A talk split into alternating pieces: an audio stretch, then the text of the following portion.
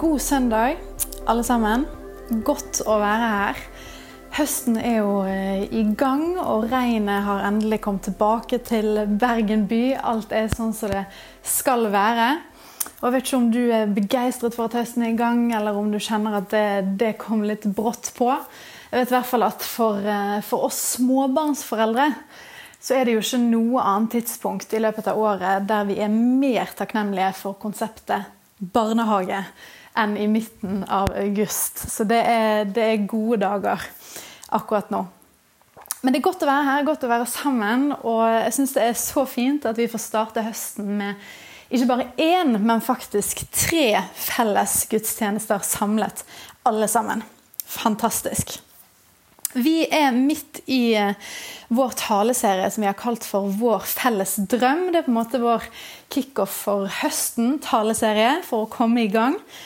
Og da er egentlig fokuset at vi ønsker å, som vi pleier å gjøre hver høst, vi ønsker å komme tilbake til hva er det egentlig vi driver på med i denne kirken her. Midt i alt som endrer seg rundt oss, og alt som skjer med omstendighetene våre. Det er jo mye som har skjedd siste, siste året.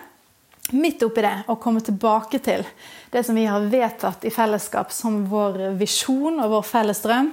Hva er det vi holder på med som kan stå fast? Og vår felles drøm er å bygge en hensiktsdrevet og voksende kirke. Der mennesker utfordres til et liv i etterfølgelse av Jesus, og sammen gjør ham kjent i vår verden. Og Sist uke så begynte Steinar sette i gang og talte om det å være en hensiktsdrevet kirke. Med hensiktene tilbedelse, fellesskap, vekst, tjeneste og evangelisering. Og Neste uke skal hovedpastor Tor Erling snakke om det å sammen gjøre Jesus kjent i vår verden. Spennende. Det gleder vi oss veldig til, Tor Erling. Og i dag så skal jeg få snakke om det å være en kirke der mennesker utfordres til et liv i etterfølgelse av Jesus. For før vi begynner å bygge noen hensiktsdrevet kirke, og før vi sammen går ut og gjør Jesus kjent i vår verden, så kalles vi alle, hver og en av oss, til å legge ned vårt eget liv og leve som disipler av Jesus. Er ikke det bra? Så bli med meg til dagens tekst. Et godt stykke med, med tekst fra Matteusevangeliet, kapittel 19. Det kom en mann til ham, Jesus, og spurte. Mester, hva godt skal jeg gjøre for å få evig liv? Men Jesus sa til ham, hvorfor spør du meg om det gode? Én er den gode. Men vil du gå inn til livet, så hold budene. Hvilke? spurte han.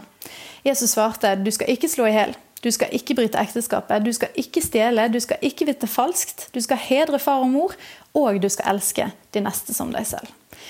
Alt dette har jeg holdt, svarte den unge mannen. Creds for den. Hva er det da jeg mangler? Jesus sa til ham, vil du være helhjertet, gå da bort og selg det du eier, og gi det til de fattige. Da skal du få en skatt i himmelen. Kom så, og følg meg. Men da den unge mannen hørte det, gikk han bedrøvet bort, for han eide mye. Jesus sa til disiplene, sannelig, jeg sier dere, det er vanskelig for en som er rik, å komme inn i himmelriket. Ja, jeg sier dere, det er lettere for en kamel å gå gjennom et nåløye enn for en rik å komme inn i Guds rike. Da disiplene hørte dette, ble de helt forskrekket og spurte, hvem kan da bli frelst? Jesus så på dem og sa, for mennesker er dette umulig, men for Gud alt mulig. Det som jeg syns er, er, veldig interessant med denne teksten her, jo mer jeg har lest den, jo mer eh, interessant blir det, det er at Jesus svarer jo ikke det han skal her. La dere merke til det? Jesus går utenfor manus. Altså, Hvis noen kom til meg og var så gira på dette Jesus-greiene at han sa 'Hva skal jeg gjøre? Bare si det. Jeg vil være med, uansett hva.' Da vet jo jeg hva fasiten er. Hva du skal gjøre. Du trenger ikke gjøre noe som helst. Bare ta et valg om å tro, og du er med. Jeg syns det er interessant at Jesus, selveste Guds sønn, Messias, går utenom manus her. Jesus motsier ikke en gang når denne mannen begynner å ramse opp alt han har gjort. Han sier ikke app, app, app, dette er religion, dette er lovisk, dette må du passe deg for. Nei, det sier ikke han. Han kaster til og med mer inn i miksen. At han òg skal, skal gi til de fattige. Det er veldig rart at selveste Jesus er på ville veier her. Hva skal jeg da tenke når fasiten min ikke stemmer med det Jesus faktisk sier? Vår forståelse av evangeliet det påvirker hvordan vi lever ut troen vår. Eller eventuelt ikke lever ut troen vår. Den teologien som vi hører, som vi lærer, som vi tror på, former vår praksis. Og Da er det jo ganske lurt å sjekke om teologien stemmer overens med det Jesus sa og gjorde. For hva kom Jesus egentlig for å gjøre? Hva var målet? Var det å, å få oss til himmelen? Var det å rettferdiggjøre syndene våre? Hvis vi tenker at evangeliet kun handler om å få en billett til himmelen, da vil praksisen vår reflektere dette. Da vil det handle om en hånd i været under et møte, og du er inne. Check. Det vil handle om det ene punktet der du tar et valg om å tro. Og så vil dette med disippelskap og etterfølgelse som vi snakker om i dag, det vil bli et sånn valgfritt tillegg. For de som er liksom ekstra gira, ekstra interessert. Og spørsmålet vi alltid ville stilt oss da, var hva er minimumskravet for å komme til himmelen? Er jeg innafor? Jeg har vært gift med, med min mann Håvard i nå eh, åtte år. Og jeg lurer på hvordan det hadde gått hvis jeg kom hjem en dag og så spurte jeg Du Håvard, hva er egentlig minimumskravet som jeg må stille for å fortsatt få lov å være juridisk eh, gift med deg? Hvor mange bleier er det jeg må skifte? Hvor eh, ofte må vi ha sex? Hvor mange av eh, leveringene i barnehagen er det jeg må gjøre, og hvor mye oppvask må jeg ta? Og nå trekker alle på smilebåndet, enten de er gift eller om de er single, for vi skjønner alle at med den holdningen der, da har man gått glipp av hele poenget med ekteskapet. At ekteskapet ikke handler hovedsakelig om den juridiske avtalen på bryllupsdagen, men at det handler om den relasjonelle pakten mellom oss, om livet sammen, som er ment å være så mye rikere enn det å møte hverandres minimumskrav. Det handler om kvalitet. Og Hvis det jeg har lært om ekteskap, er at det handler om minimumskravet, så vil det reflekteres i min praksis, i måten jeg er kone på for min ektemann. Og det samme gjelder med forholdet til Jesus. Den teologien vi har lært, reflekteres i måten vi lever på. Tilbake til teksten. I Matteus 19 så spør han her mannen hva han må gjøre for å få evig liv. Og jeg vet ikke med deg, men I mitt hode så er evig liv en sånn kvantitativ størrelse, en beskrivelse på noe som skal vare evig. Noe som skjer i himmelen etter at jeg er død. Så begynner den kvantitative størrelsen som skal vare evig. Men evig liv er faktisk definert i Bibelen én gang, og det er av Jesus sjøl. Da er det kanskje lurt å, å, høre på det. Jesus sier, og dette er det evige liv, i Johannes 17. At de kjenner deg, den eneste sanne Gud, og ham du har sendt, Jesus Kristus. Her er det tydelig at Jesus snakker om en kvalitet og ikke en kvantitet. Det er ikke en kvantitativ størrelse som starter når vi dør, men det er livet i Jesus som kan starte her og nå. Å kjenne Gud ved personlig erfaring, sånn som vi kjenner hverandre her på jorden. Ikke å bare vite om han på et eller annet sånn intellektuelt nivå, men å faktisk ta del i livet med Gud, Jesus og Den hellige ånd her og nå. John Mark Homer, som er forfatter og pastor i Portland i USA, har vært en stor inspirasjon for meg i arbeidet med denne talen. Og han åpenbarte noe for meg i denne teksten som jeg ikke har klart å glemme, og sikkert kommer til å jobbe med i, i lang tid framover. Han forklarte det at i denne teksten så blir uttrykket 'evig liv' i vers 16, uttrykket 'Guds rike' i vers 23 og 24, og uttrykket 'frelse' i vers 25 de blir brukt om hverandre. Og I Matteus, Markus og Lukasevangeliene så er det mye dette rike ordet som blir brukt. Og I resten av Nytestamentet så blir det òg brukt det rike begrepet. Men Paulus han bruker mer begrepet frelse. Mens Johannes i sitt evangelium bruker begrepet evig liv. Så det er tydeligvis rom for ulike begrep her. Og jeg har nok tenkt at dette er tre helt ulike ting. Jeg har nok tenkt oppi hodet mitt at ja, evig liv det er som sagt en kvantitativ størrelse, noe som skal vare evig etter at jeg dør. Og frelse handler om at Jesus døde på korset og rettferdiggjorde syndene mine. Og Guds rike er et eller annet diffust som fins allerede nå, men ikke helt, og fins noe her og noe der som er litt vanskelig å, å gripe. Men hva hvis disse tre tingene ikke er tre ulike budskap, men faktisk er tre måter å si det samme på? Hvis evig liv, Guds rike og frelse er ett og samme budskap, og Jesus sjøl sier at det evige liv er å kjenne Gud og kjenne Jesus, hva skal det da få bety for hvordan vi lever livene våre? Jesus' svar til denne mannen på hvordan få evig liv, er til syvende og sist Kom og følg meg. Og Det er jo akkurat det samme som disiplene fikk høre når de ble kalt av Jesus én etter én. Jesus kom ikke og sa til hver enkelt av dem 'rekk opp en hånd hvis du tror på meg', og så er du med. Nei, Jesus sa 'kom og følg meg'. Kom og følg meg er både målet og middelet. Kanskje har du hørt før at det greske ordet for synd i Bibelen betyr å bomme på målet.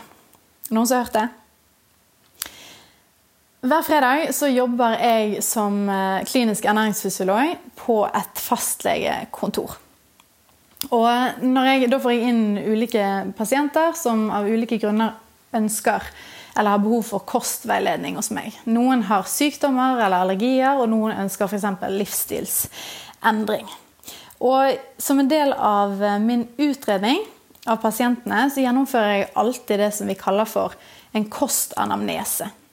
Og Det betyr at jeg går ganske grundig til verks for å komme til bunns i hva disse pasientene spiser. Og det innebærer eh, hvilken type mat, hvordan den tilberedes, hvor ofte de spiser, hvor mye de spiser. Jeg graver skikkelig dypt for å prøve å, finne ut av det.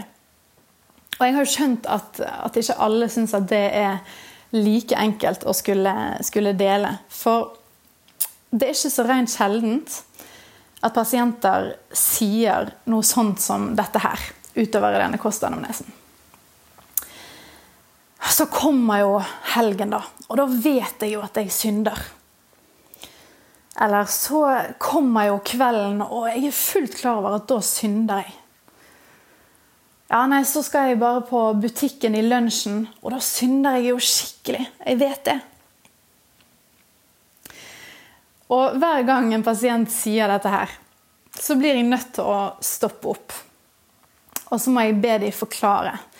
Du, hva betyr egentlig det å synde med kosten for deg?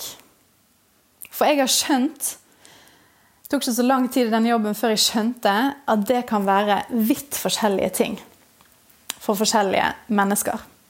For noen så er det det å synde med kosten at de forsynte seg en ekstra porsjon til middag. For noen så er det at de slukte en 200 grams eh, sjokoladeplate på en helt vanlig tirsdag. For noen er det at det ble ti enheter med alkohol lørdag kveld. For noen er det å spise pizza med lys bunn i stedet for fullkorn. Og for noen, kanskje min personlige favoritt, så er det å spise en banan. Det er veldig ulikt hva folk mener er å bomme på målet. Fordi det er så veldig ulikt hva folk mener er det riktige målet. Og Da har jeg lyst til å spørre deg og meg hva er målet i etterfølgelsen av Jesus? Er målet vi har satt oss, å komme til himmelen? For det evangeliet det håndterer kanskje syndproblemet som vi mennesker har. Men så stopper det der. Er de frelst? Møter de minimumskravet? Fju, check. Da er vi ferdig. Hvem sa at det var målet? For det Jesus sier om det evige liv, om frelse, om Guds rike, det er tydelig mer enn en avgjørelse. Det er mer enn en barnetro. Det er til og med mer enn oppgjøret med syndproblemet som vi alle har som mennesker. For så høyt har Gud elsket verden at han ga sin sønn den enbårne, for at hver den som tror på ham, ikke skal gå fortapt, men ha evig liv. Johannes 3, 16, som mange her har hørt så mange ganger. Evig liv som brukes i dette verset, her, er det samme som står i Matteus 19,6, som vi leste i sted. Og det er det samme som Jesus definerer litt seinere i Johannes 17, til å være å kjenne Gud og kjenne Jesus Kristus. Det motsatte av å gå fortapt er å kjenne Gud og å kjenne Jesus Kristus. Hva hvis målet er enhet med Gud? Det å leve livet med Faderen og Sønnen og bli en del av en ny familie her på jorden, av troende. Hva hvis målet er å bli en person fylt av åndens frukt, av godhet og fred, tålmodighet, kjærlighet? Jesus sa at tiden er inne, Guds rike er kommet nær. Vend om og tro på evangeliet. Guds rike er allerede kommet nær, så det evige liv det starter allerede her. Og hvis det evige liv starter allerede her, så handler ikke frelse bare om å få deg til himmelen, men om å få himmelen i deg. Det handler ikke bare om hva Gud vil gjøre for oss, men hva Gud vil gjøre i oss. Det handler ikke bare om hva som skjer når vi en dag dør, men om hva som kan skje mens vi ennå lever.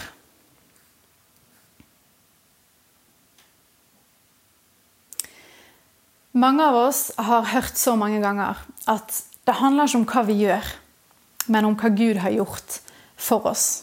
Stemmer? Og det er jo ikke nødvendigvis feil, det skal ikke jeg si. Men jeg begynner å lure på om kanskje det er litt for smalt. Det positive med den setningen der er at det er et veldig høyt syn på Jesus og det som han har gjort. Men samtidig så er det et ganske lavt syn på etterfølgelsen av Jesus. Og det kan føre til et sånn passivt disippelskap. Det kan føre til at vi blir forbrukere av det Jesus oppnådde, framfor at vi blir disipler av Jesu vei. Han sa tross alt at han var veien, sannheten og livet. Og det er mye snakk om å tro på Jesus. Men hva med det å faktisk følge etter han? For det å følge etter, det er faktisk noe man gjør. Gjennom valgene man tar, gjennom tiden man bruker, gjennom pengene man disponerer, gjennom ordene man sier. Å følge etter er noe man gjør. Får Jesus kun være vår frelser, den billetten til himmelen? Eller får han faktisk være vår herre i livet? En å virkelig følge etter? Dette er utrolig utfordrende, syns jeg. Men ok, hvis etterfølgelse er målet og middelet, hvordan kan det da se ut? Og Da tenker jeg det er bra å, å gå litt tilbake til det første århundret og se på hvordan det så ut for de første kristne disiplene. Det var ikke sånn at Jesus fant opp disippelskap. Tvert imot så var det helt vanlig på den tiden i det første århundret at en rabbi, en lærer av høy rang, hadde noen utvalgte disipler. Noen utvalgte stjerner som liksom skulle få være med. Og så vet vi at Jesus hadde en litt ulik taktikk fra det. Men det var helt vanlig at en rabbi hadde disipler. Og disiplene de skulle følge etter sin lærer. Og det gjaldt både bokstavelig, følge etter læreren sin 24-7, sove sammen, spise sammen, gå sammen. Men det gjaldt òg billedlig, å bli lik på sin lærer. Og så vet vi at Dagens eh, narrativ i, i, Vesten her er jo at vi vokser opp med at vi skal få være oss sjøl 110% At vi skal få være helt unik. Årets MGP juniorsang, som spilles eh, ganske på repeat hjemme hos oss, den går eh, noe sånn som dette her. Ingen er like, for du er unik. Det gir et kick å kunne være seg selv. Og disiplene i det første århundret bare Nei, nei, nei. Vi vil bli kliss lik læreren vår.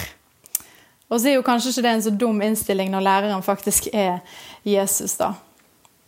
Men jeg har lyst til å, å, si, når vi tar utgangspunkt i eh, hvordan disiplene fulgte etter Jesus, så tenker jeg at vi kan sette oss tre mål med etterfølgelsen av Jesus, inspirert av de.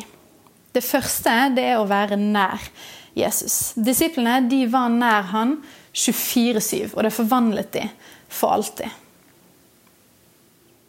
Og etter at Jesus ikke var fysisk til stede lenger, så handlet det om å 24-7 bli fylt og være påkoblet Den hellige ånd. Det andre det er å bli lik Jesus. Det er tydelig når man leser i apostlenes gjerninger at disiplene tok med seg mange av praksisene til Jesus, og at de var blitt mennesker av karakter og kjærlighet på samme måte som han var.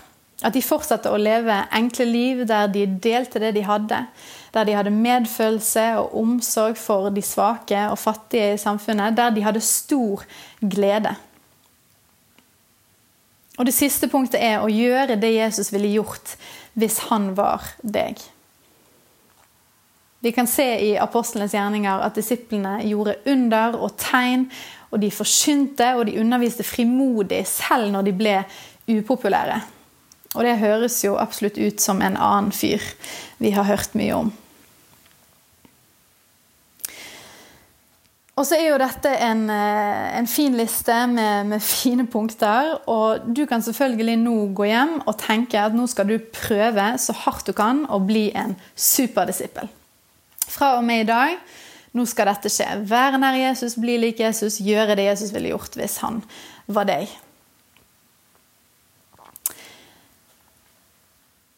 Jeg vet ikke om det er noen her som har løpt et maraton noen gang. Men hvis vi hypotetisk sett ser for oss at en eh, overvektig og utrent person våkner opp en dag og bestemmer seg for at jeg har lyst å løpe maraton. Det er altså 42 km. Og han eh, snører på seg skoene og begynner å løpe. Hvordan går det? Hvordan tror dere det går? Kanskje går det greit første kilometeren, kanskje andre kilometeren, kanskje tredje. Kanskje til og med fjerde, så begynner det å bli litt uh, tungt. Kanskje han er så heldig å ha en heiagjeng ved siden av seg, sånn at han klarer den femte og sjette kilometeren òg. Men til syvende og sist så kommer det til å gå dårlig. Det kommer ikke til å gå. Men hvis samme utrente, overvektige person setter seg ned og lager en plan, skaffer seg et godt treningsopplegg der det er innlagt god progresjon framover på opptreningen, der det er lagt inn restitusjon, lagt inn riktig kost, ikke minst, over en lengre periode. Kanskje til og med han kan få støtte av en erfaren maratonløper da vil sannsynligvis denne personen etter en, en, god stund med opptrening være i stand til å fullføre et maratonløp. Det betyr ikke at det blir lett, men det betyr at han har opparbeidet seg den kapasiteten til å kunne gjennomføre det. Og Det er ganske sånn basic fysiologi og anatomi at man må trene seg opp over tid. Eller for å si det som vår fire år gamle datter sa til Steinar her på torsdag når de satt hjemme hos oss og spilte på iPad sammen. Du må faktisk øve deg hvis du skal få mange poeng. Jeg har øvd masse. Det er derfor jeg har blitt så sykt god. Don't judge our parenting. Sommerferie er survival. Vi må snakke sant om livet. Men av en eller annen grunn så er det lettere for oss mennesker å, å forstå på andre områder i livet at det krever øving. Det krever øving å få til de tingene som vi har lyst til å få til. Så jeg har lyst til å spørre, spørre i dag. Og spørre om dere har lyst til å bli med. Bli med meg på at vi i stedet for å være en menighet med folk som prøver skikkelig hardt å få til dette greiene her. Om vi istedenfor begynner å øve på denne etterfølgelsen. Paulus skrev til Timoteus 'Øv deg i Guds frykt'. Og forfatteren av hebreerbrevet skrev 'Øv dere på å skjelne mellom godt og ondt'. Så vi er i godt selskap hvis vi må øve litt. Jeg tror vi er altfor opptatt av å prøve og altfor lite opptatt av å øve. Og jeg har nok prøvd mange ganger i livet mitt, men kanskje ikke øvd så mye. Men nå øver jeg litt, da. Jeg har gode dager med øving og dårlige dager med øving. Gode uker, dårlige uker. Sånn er det. Det skal jeg være ærlig på. Men jeg øver f.eks. på å gå tur om morgenen uten å ha, alltid ha podkast eller musikk på øret for å øve meg på å tåle den stillheten. Jeg øver meg på å klare å konsentrere tankene mine rundt en bønn eller et vers eller en bok, fordi at det foregår til enhver tid altfor mye inni dette hodet her. Så det må jeg øve på. Jeg øver meg alltid på å være mer tålmodig med ungene. Jeg øver meg på å faktisk sende den oppmuntringsmeldingen når jeg føler at jeg blir minnet på en person ut av det blå. Jeg øver meg på å tilgi meg sjøl og andre. Jeg øver meg på å være tilfreds med det jeg har, og la være å kjøpe alt nytt jeg har lyst på til enhver tid. Det er vanskelig. Jeg øver meg på å være gjestfri og invitere hjem midt i en travel hverdag, der det kanskje aldri passer særlig bra. Øver meg på å tåle å bli avbrutt i planene mine Altfor ofte så er jeg raskt på vei fra det ene stedet til det andre og har ikke tid til å stoppe opp og se det som skjer rundt meg. Så jeg øver meg på å tåle å bli avbrutt i planene mine. Og så øver jeg meg alltid på å være takknemlig for de jeg har, og det jeg har. Så det er noen av tingene jeg øver på. Og alle disse tingene er jo livslange prosesser. Og det prøver jeg å omfavne. For jeg tror at jo mer jeg øver på disse tingene, jo mer kan dette Guds rike vokse i meg. Ved Hans nåde og Hans ånd, selvfølgelig. Og ikke at det skal være lovisk på noe vis, for det er ikke for å fortjene noe. Men det er for å gripe det evige livet som Jesus snakker om her.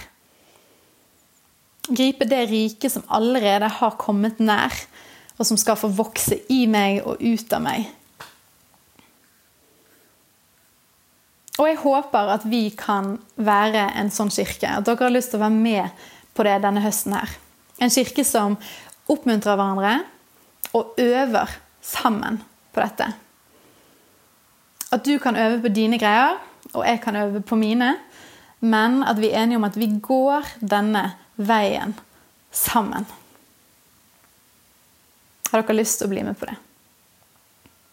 Det har jeg lyst til å be for til slutt.